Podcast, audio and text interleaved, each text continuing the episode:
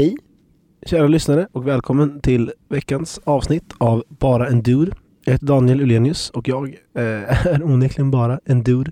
Eftersom det här är sista avsnittet för säsongen, eh, som jag kom på för några veckor sedan, så tänkte jag låtsas den här gången som att jag har mer än en lyssnare. Eh, pappa.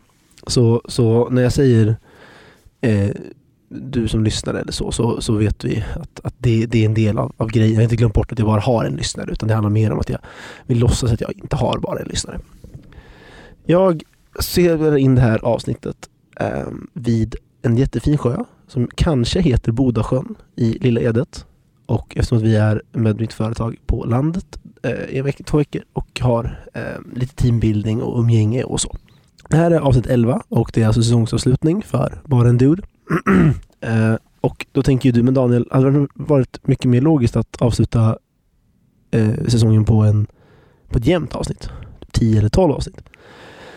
Jo, jo det hade det. Eh, men jag kan inte räkna, visar sig. Trots att jag har en Dropbox-mapp med ett, en mapp för varje avsnitt. Det här avsnittet heter, heter vilket nummer det är. Och jag har en Wordpress-sida med eh, varje avsnitt och vilket nummer det är. Så trodde jag att förra veckans avsnitt var nummer 10. Eh, 9. Eh, eh Nej, 11, förlåt, 11. Jag trodde förra veckans avsnitt var nummer 11. Så att det här skulle bli nummer 12. Eh, men så vart det inte. Eh, utan det här är nummer 11. Så det vi kommer göra istället är, eftersom jag är eh, genius på att hitta på lösningar. Så det vi kommer göra istället är att det här kommer vara ett väldigt långt avsnitt. Jag kommer prata om nu om alla ämnen jag har kvar. Jag kommer prata precis så länge jag vill utan att för en gång skulle kolla på klockan. Jag kommer att sitta här vid den här fina sjön i Lilla Edet och titta på solnedgången och prata. Eh, vi kör ingen och sen så kör vi igång. What happened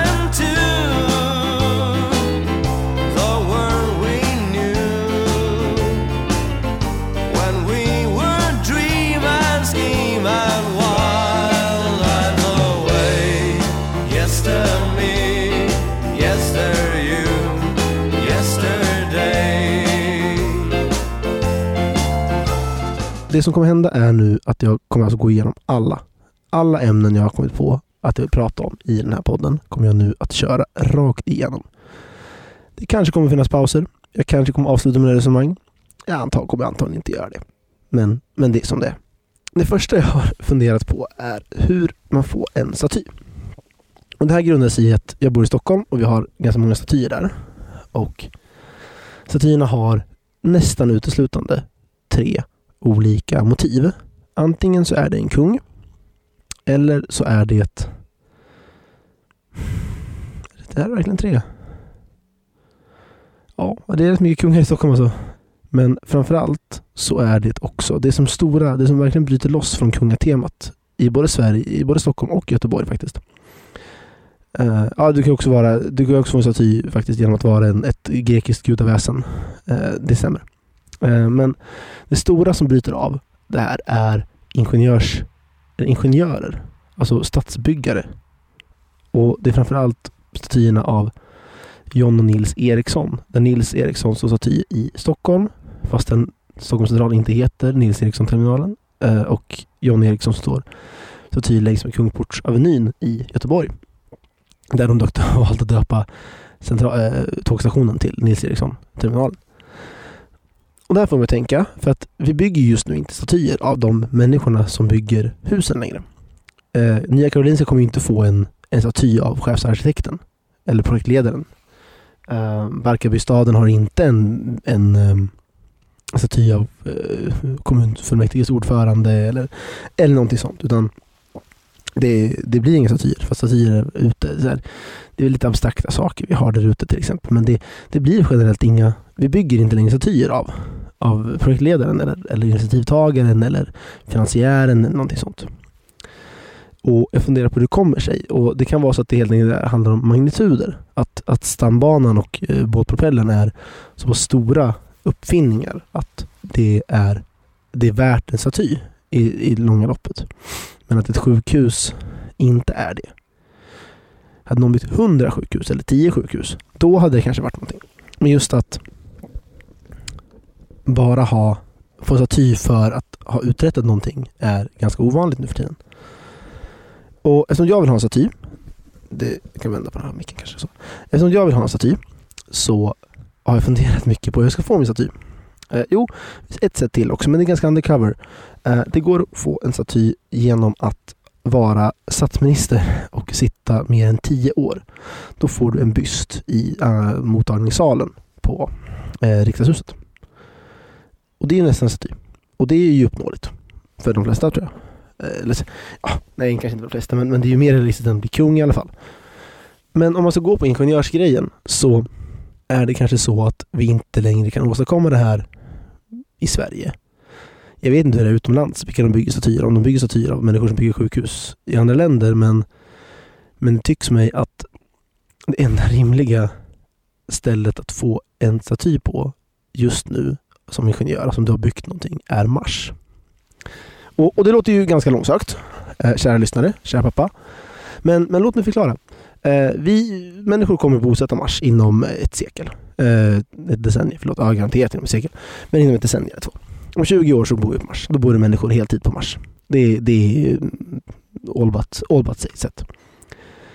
Eh, just nu så verkar det som att det är en man som heter Elon Musk, när det här spelas in, som driver det projektet. Och alltså kommer ju han, eftersom det är han som startar företaget och är en så väldigt karismatisk och tydlig frontfigur för hela det racet. Att, att han, det kommer antagligen vara så att där alla landar som kommer till Mars, eh, i alla fall ja, första miljoner människor eller så, de kommer att landa på Elon Musk-terminalen. Det är, inte en, det är liksom inte en orimlig sak. Um, däremot så behöver vi Mars jätte, jätte, jättemycket annan infrastruktur också. Vi kommer behöva, kanske inte tåg, vanliga tåg, men vi kommer behöva hyperloop eller eh, maglev eller vi kommer behöva järnväg. Antagligen. vi kommer antagligen vi kommer behöva transportsystem. Vi kommer antagligen behöva motorvägar. Jag tror inte att det är rimligt att göra all godstransport med tåg.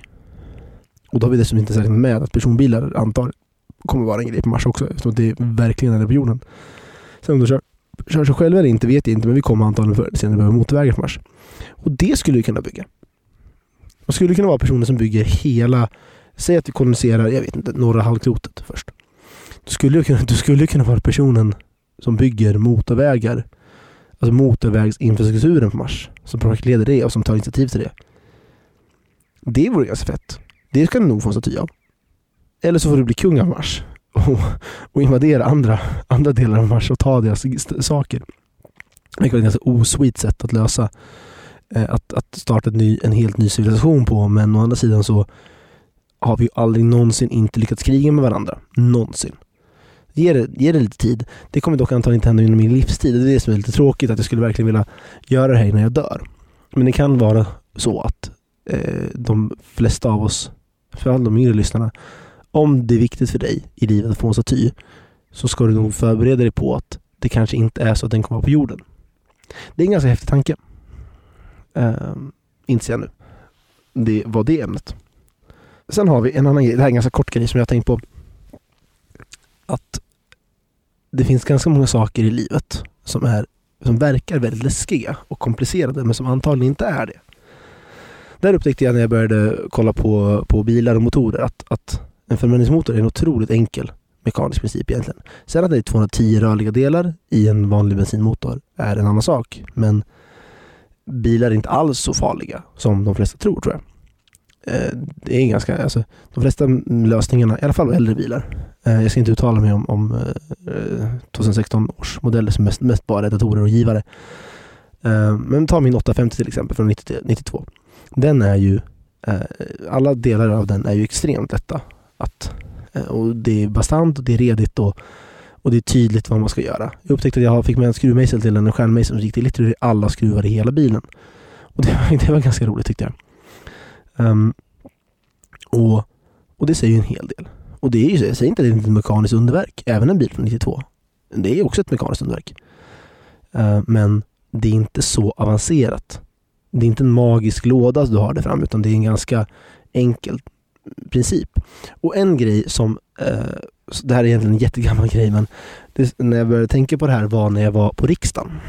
För att Eh, jag var på studiebesök med riksdagen på, med, med Socialdemokraterna, eller SAP som, som vi kallar det med den här podden. Um, eller som jag kallar SAP ja, generellt. Um, jag var på studiebesök i alla fall. Och då så uh, finns det ju de gamla, de gamla tvåkammarna finns kvar.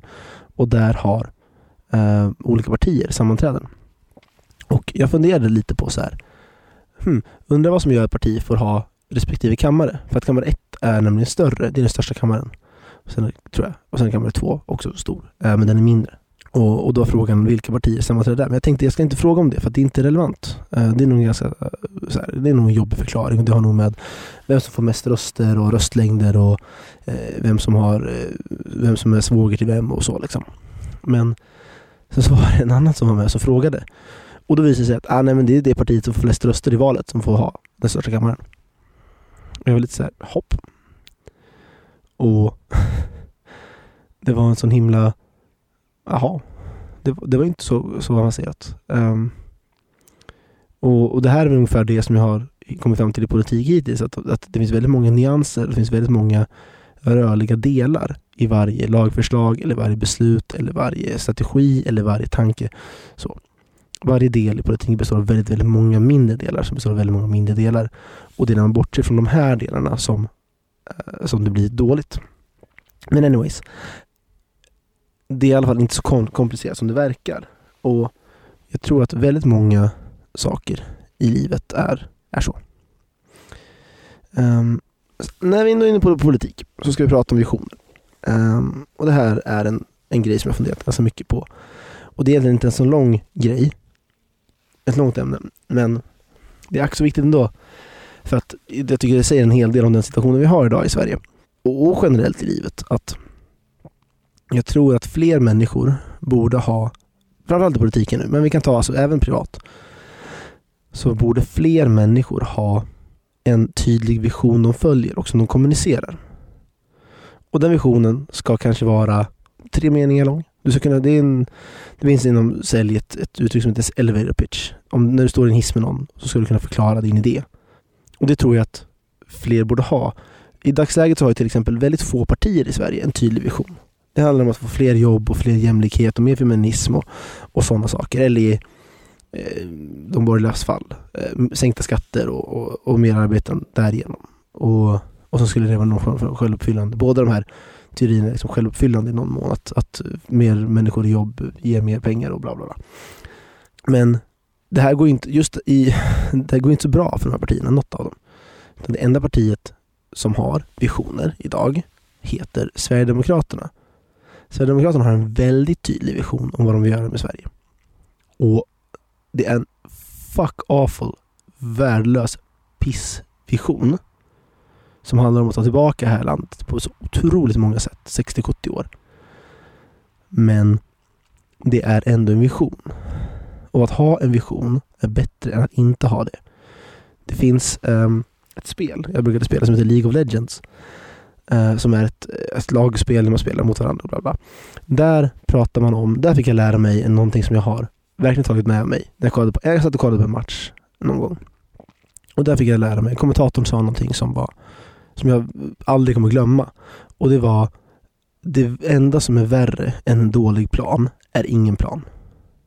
Eller att byta plan. You don't change the plan har ni sagt någonting i laget så kanske det kanske visar sig att det är en värdelös strategi. Det här funkar i fotboll, det här funkar i nästan allting i livet. Eh, men har du satt en strategi, då håller du den. Och det är allt. Och det är samma med visioner egentligen. Om du har en vision så är det mycket, mycket lättare att vara konsekvent med ditt handlande. Det är mycket, mycket lättare att få människor att förstå varför du gör saker, varför du vill göra saker. Och det är mycket, mycket, mycket lättare att förstå att få människor att följa dig och lyssna på det du säger. För då handlar det helt plötsligt inte, inte um, sammanhangslöst. Och, och, det är en grej och det här tror jag går igenom mycket, i både i livet och i vision, i politik. Och, och just det här att det är lätt att säga, ja det där är nog viktigt med politik, men nej. Det eh, vad man än gör i livet som har med andra människor att göra så är det nog viktigt att vara väldigt tydlig med vad du vill åstadkomma. Och det är det jag vill säga när jag pratade en kvart. Um, apropå det så hade vi en diskussion här i, i stugan där vi bor för att vi hade en, en liten konflikt som handlade om att en person ville gå och lägga sig och en person, en, fyra personer ville sitta och skrika i rummet bredvid och vara fulla. Och det var väldigt spännande för att personen sa till. Personen som ville gå och lägga sig, låt oss kalla honom för Samuel. Samuel sa till de andra som satt och skrek. att nu tänker jag gå och lägga mig, kan ni vara tysta? Personerna, det går lite isär åsikterna om de inte uppfattade det här eller om de bara glömde bort det väldigt fort. Men det som hände sen var att Samuel kom upp dagen efter och var väldigt, väldigt grinig och sur över att de inte var tysta. Och det här tycker jag är en ganska intressant live lesson för att det är väldigt lätt att säga att de ska vara tysta och ha basic medmänsklighet och, och respekt och sådana saker. Och ja, det stämmer. Men det finns en mycket, mycket, mycket större sak att ta att ta äh, tänka på här. Och det är vem det egentligen är som har någonting att förlora på det här.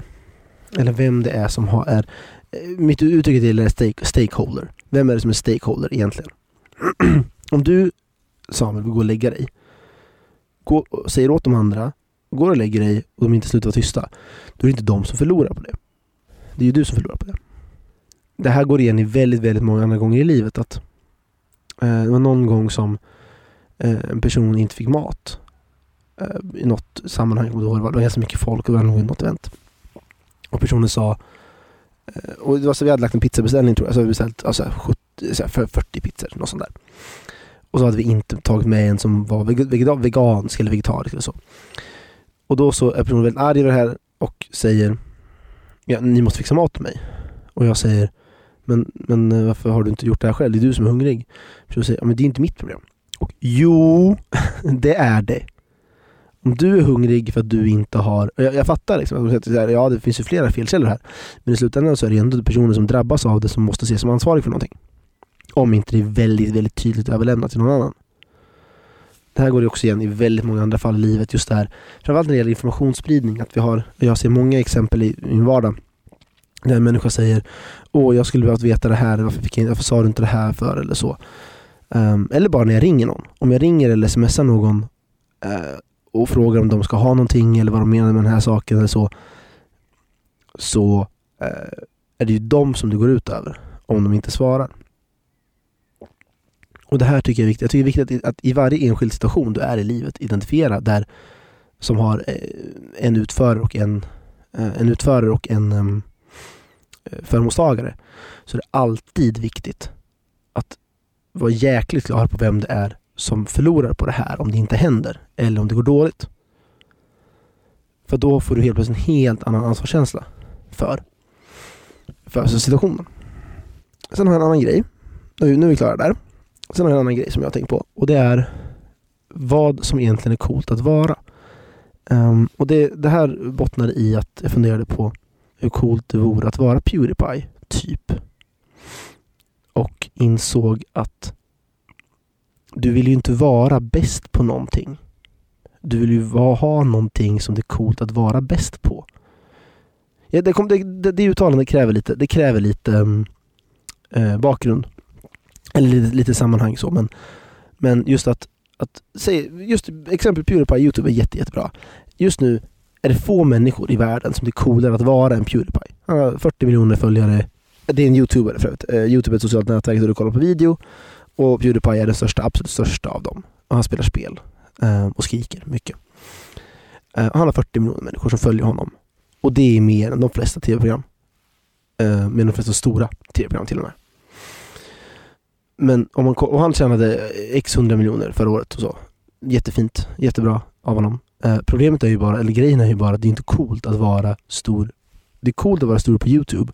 Men det är ju coolare att det är coolt att vara stor på Youtube. Hade Youtube inte varit en grej så hade han kunnat haft hur många följare han ville. Uh, men för den hade varit coolt ändå. Det är Youtube som tjänar miljarder på att han gör content åt dem. Inte inte tvärtom. Han tjänar lite pengar. Youtube tjänar hiskeliga mängder pengar.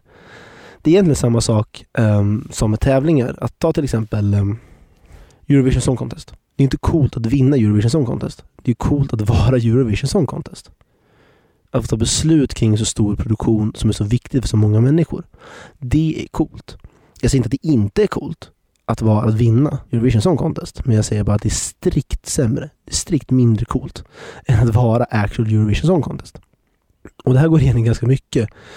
Det är arguably inte coolt att ha en app i App Store, som, att ha App Store som är en app. Det är coolt att vara Apple.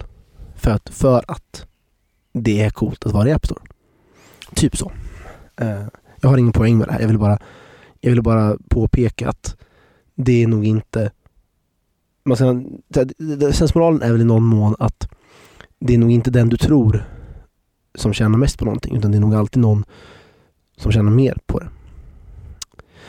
Sen hade jag och min vän Samuel ett, ett ganska långt samtal för några veckor sedan. Som handlade om bostäder. Det handlar inte om bostäder egentligen. Så, jag älskar den här grejen. Eh, ja, vi pratar om det här. Vi pratar inte om det här egentligen, men vi pratar om det här. Uh, nej, men det vi pratade om var att uh, jag har just nu förstahandskontrakt i Stockholm. Och det är jag otroligt lyckligt lottad för att vara, för att vår bostadsmarknad är helt dum i huvudet. Um, men, men just nu har jag ju satt den delen av mitt liv. Och livet har ett visst antal rörliga delar. Rörliga delar är till exempel fast bostad, eh, en eller flera partners, eh, en inkomst. Och det är, de tre, det, det är för mig de tre stora. Det är de tre. Du ska kunna bo någonstans, du ska kunna försörja dig och du ska ha, antagligen ha någon del i ditt liv med. Jag säger inte att det, är ett, det sista är ett måste, men, men de andra två grejerna är, är du ganska körd utan. Och det, ju fler av de här delarna du spikar, desto mer kan du wiggla med resten. För sen kom, tillkommer nämligen också en hel drös av andra rörliga delar. Som till exempel, ska jag ha bil eller inte? Um, ska jag um, ha matkasse eller inte? Ska jag uh, göra eget cashew, egen cashewnötsost eller inte? Sådana här saker. Och om du ju färre av de tre stora du har på plats, desto mindre energi och tid och alltså, desto mindre vill man nog leka med de andra delarna. Jag har min, mitt jobb, min partner och min bostad nu. Alltså kan jag experimentera med till exempel att köpa en, en, en Volvo för 5000 spänn och köra runt i. Eh, och det är ett åtagande att ha en bil. Det är ingen som säger någonting om. Men jag hade inte kunnat göra det om jag hade bott i andra hand. Eller om jag inte hade haft en flickvän. Eller så. Då hade jag kanske prioriterat andra saker över det. Och just det här att det är när man har de rörliga delarna satta, alltså de stora delarna satta, som man kan börja bränna broar och committa på andra saker. Att om du har fast lägenhet och, fast, och en stabil partner, då kanske du känner dig mycket tryggare att byta jobb. Än om du kanske till exempel inte har det här, utan måste, skrapa, måste använda varenda krona du har. Och, och, spara och gnida och så. Har du ingen partner så kanske det inte är så eh, roligt för dig att eh, ja, men, eh, sälja lägenheten. Jag vet inte. Det, eh, det, ehm, det, det, poängen är i alla fall att, att ju fler saker du har mm, koll på i livet, desto mer saker kan du leka med. Har du inte koll på din egen försörjning till exempel, så är du nog väldigt, väldigt mycket mindre inclined att till exempel börja experimentera med att vara vegetarian. Det är i alla fall min teori. Sen har jag en grej som jag läste på internet för ett tag sedan. De här, det, här, det här är så här, det är egentligen ett avsnitt. Det här, den här grejen nu är egentligen ett avsnitt och det kanske så att jag ska bryta efter det här för att det kommer bli för långrandigt annars. Men teorin är följande. Nu sätter vi ett hypotetiskt scenario och jag vill att du funderar på om du upplever det som positivt eller negativt. Tänk dig att människor, att när all, att alla människor vaknar imorgon vi förutsätter att alla människor går och lägger sig, det spelar inte så mycket roll. Vid ett visst klockslag, jorden över, så glömmer vi alla människor bort hela vår egen historia fram till ja, men, eh, för några veckor sedan. Och då snackar vi alltså eh, att vi inte har en aning om vart bensinmotorn kommer ifrån, men vi vet hur den funkar. Vi har ingen aning om var pyramiderna kommer ifrån. Eh, Auschwitz verkar vara ett, eh, ett fint ställe med mycket järnvägar och eh, konstiga rum. Eh, etc. etc. Eh, det kan vara så att konst försvinner. Det kan vara så att eh, Wikipedia delitas, allt sånt. Ingen information. Du ska inte gå och hitta information om vår historia och vi, alltså allting som har hänt för från och med första, jag vet inte, första maj kan man säga. Allt som har hänt efter det. Allt som har hänt innan det. Bara puff, borta. borta. Helt plötsligt har vi väldigt, väldigt mycket eh, hus som står och vi inte har en aning om vad det är för något. Och vi har väldigt mycket um, och så liksom. Um, vi kan säga att vi kan ta bort allt sånt. Ta bort allt som är äldre än allt som är över ett visst datum som, som påminner oss om vad, vad som har hänt i, i mänsklighetens historia. Och den stora frågan, frågan är då är, är det här någonting generellt positivt eller någonting generellt negativt för mänskligheten? Några saker att väga in är ju till exempel att det första, det första människor säger, oftast när jag säger det här, det är förintelsen. Det är liksom the mother of all. Det är liksom den, den stora... Vore det inte jävligt kast att glömma bort förintelsen och andra världskriget och första världskriget? Jo, det vore antagligen. Men vi skulle nog inte överhuvudtaget ha, överhuvudtaget ha den typen av motsättningar om vi inte hade historien. Israel och Palestina till exempel skulle antagligen lösa sig väldigt fort när de inte skulle ha den historiska dispyten om eftersom att alla i Palestina skulle glömma bort att de eh, tycker att de har eh, Guds rätt att bo där. Och, men i stort sett alla sådana här sammanhang är ju alla sådana här enskilda grejer. Slaveriet skulle vi glömma bort också. Är det bra eller dåligt? Skulle vi förslava människor igen? För att vi inte kommer ihåg hur det var. Och det alla, alla egentliga sådana här saker har alla sådana här scenarier har två vägar man kan gå. Antingen så glömmer vi bort varför vi hatar varandra från första början. Eller så glömmer vi bort varför vi tycker om varandra från första början. Och det är det som är spännande. Det finns oändligt mycket exempel man kan ta.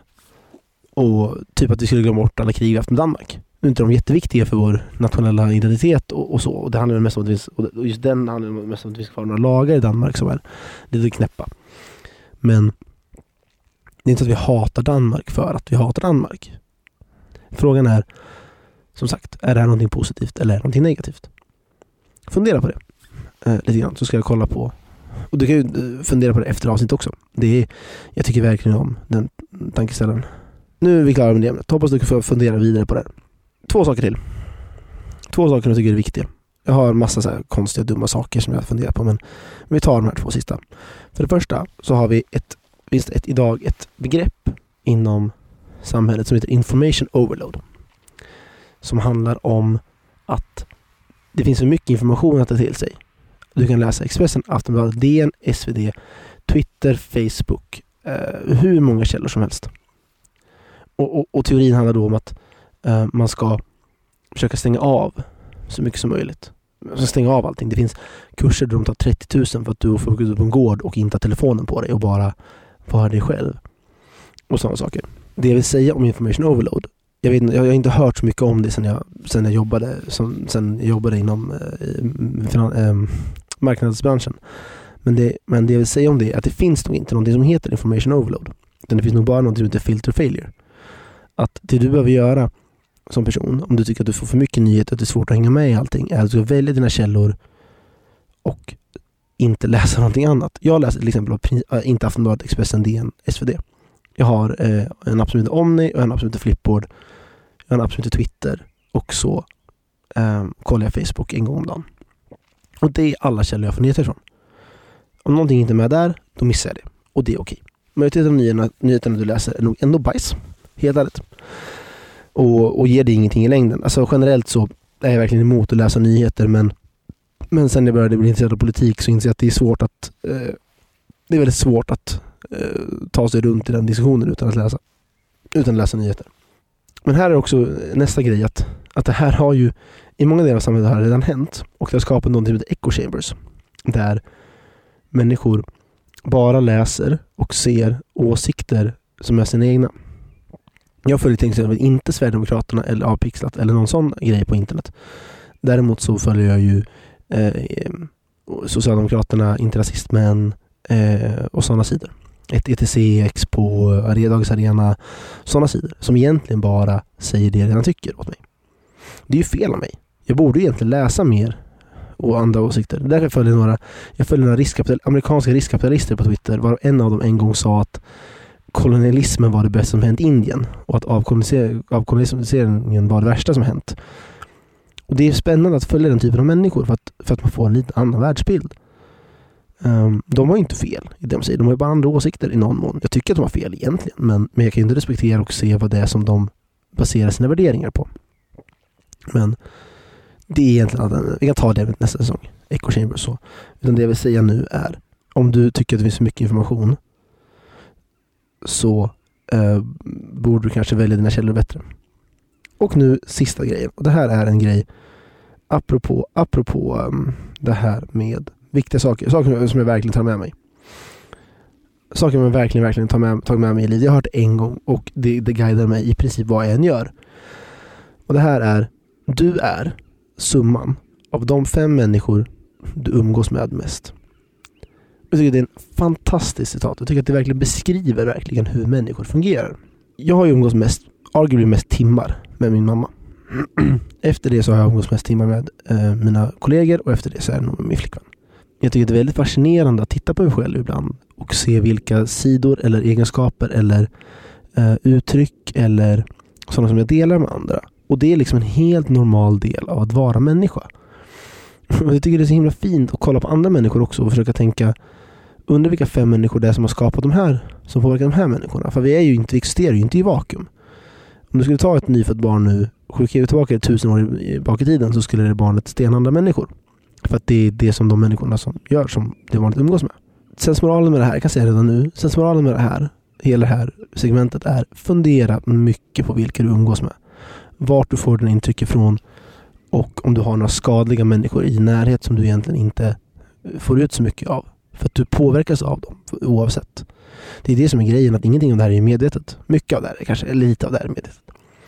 Men det mesta är inte medvetet, utan det mesta är, handlar om kroppsspråk, det handlar om uttryckssätt, det handlar om eh, inställningar till livet och hur du tacklar problem. Så enkla saker kan det vara. Och om du märker att du påverkas mycket av någon person som du inte, och du märker att du kanske inte gillar dig med dig själv, så ska du nog sluta umgås med den personen. Inte försöka ta bort eh, uttryckssätten. Det är nog verkligen snarare att du kanske inte borde ta bort, ta bort felkällan, inte felet. Typ. De två stora takeaways i det här avsnittet är Fundera på vad som skulle hända om vi tog bort all vår kunskap om historien. Jag älskar det ämnet. Jag pratar jättegärna om det med dig om jag träffar dig någon gång.